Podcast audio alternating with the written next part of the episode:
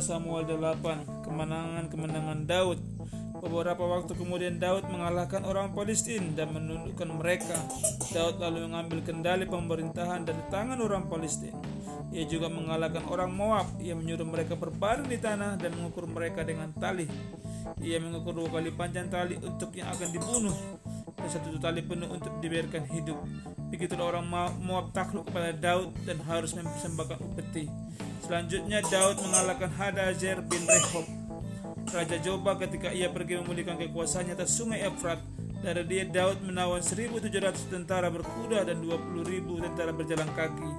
Daud lalu menyuruh memotong urat keting semua kuda kereta, tapi menyisakan 100 ekor kuda kereta.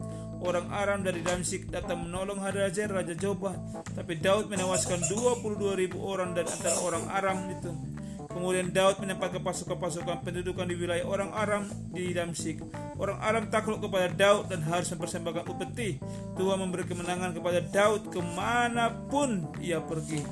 Sesudah itu Daud mengambil perisai-perisai emas ini pakai oleh para abdi Hadazer lalu membawanya ke Yerusalem dari Betah dari dan Berotai kota-kota Hadazer Raja Daud mengambil banyak sekali tembaga Ketika Toy, Raja Ahmad mendengarkan bahwa Daud telah mengalahkan seluruh tentara Hadajer, Toy mengutus seorang putranya kepada Raja Daud untuk menyampaikan salam dan mengucapkan selamat kepadanya karena ia telah berperang melawan Hadajer dan mengalahkannya sebab Hadajer ini sering berperang dengan Toy.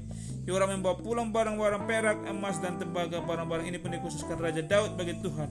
Bersama perak dan emas yang telah dikhususkannya dari segala bangsa yang ditaklukannya. Dari orang Aram, orang Moab, Bani Amon, orang Palestina, orang Amalek, dan dari jarahan. Dan dari jarahan yang diambil dari Hadajar bin Rebob, Raja Joba. Demikian Daud mendapat nama ketika pulang. Ia menewaskan 18.000 orang Edom di lembah Asin Lalu ia menempatkan pasukan-pasukan pendudukan di Edom.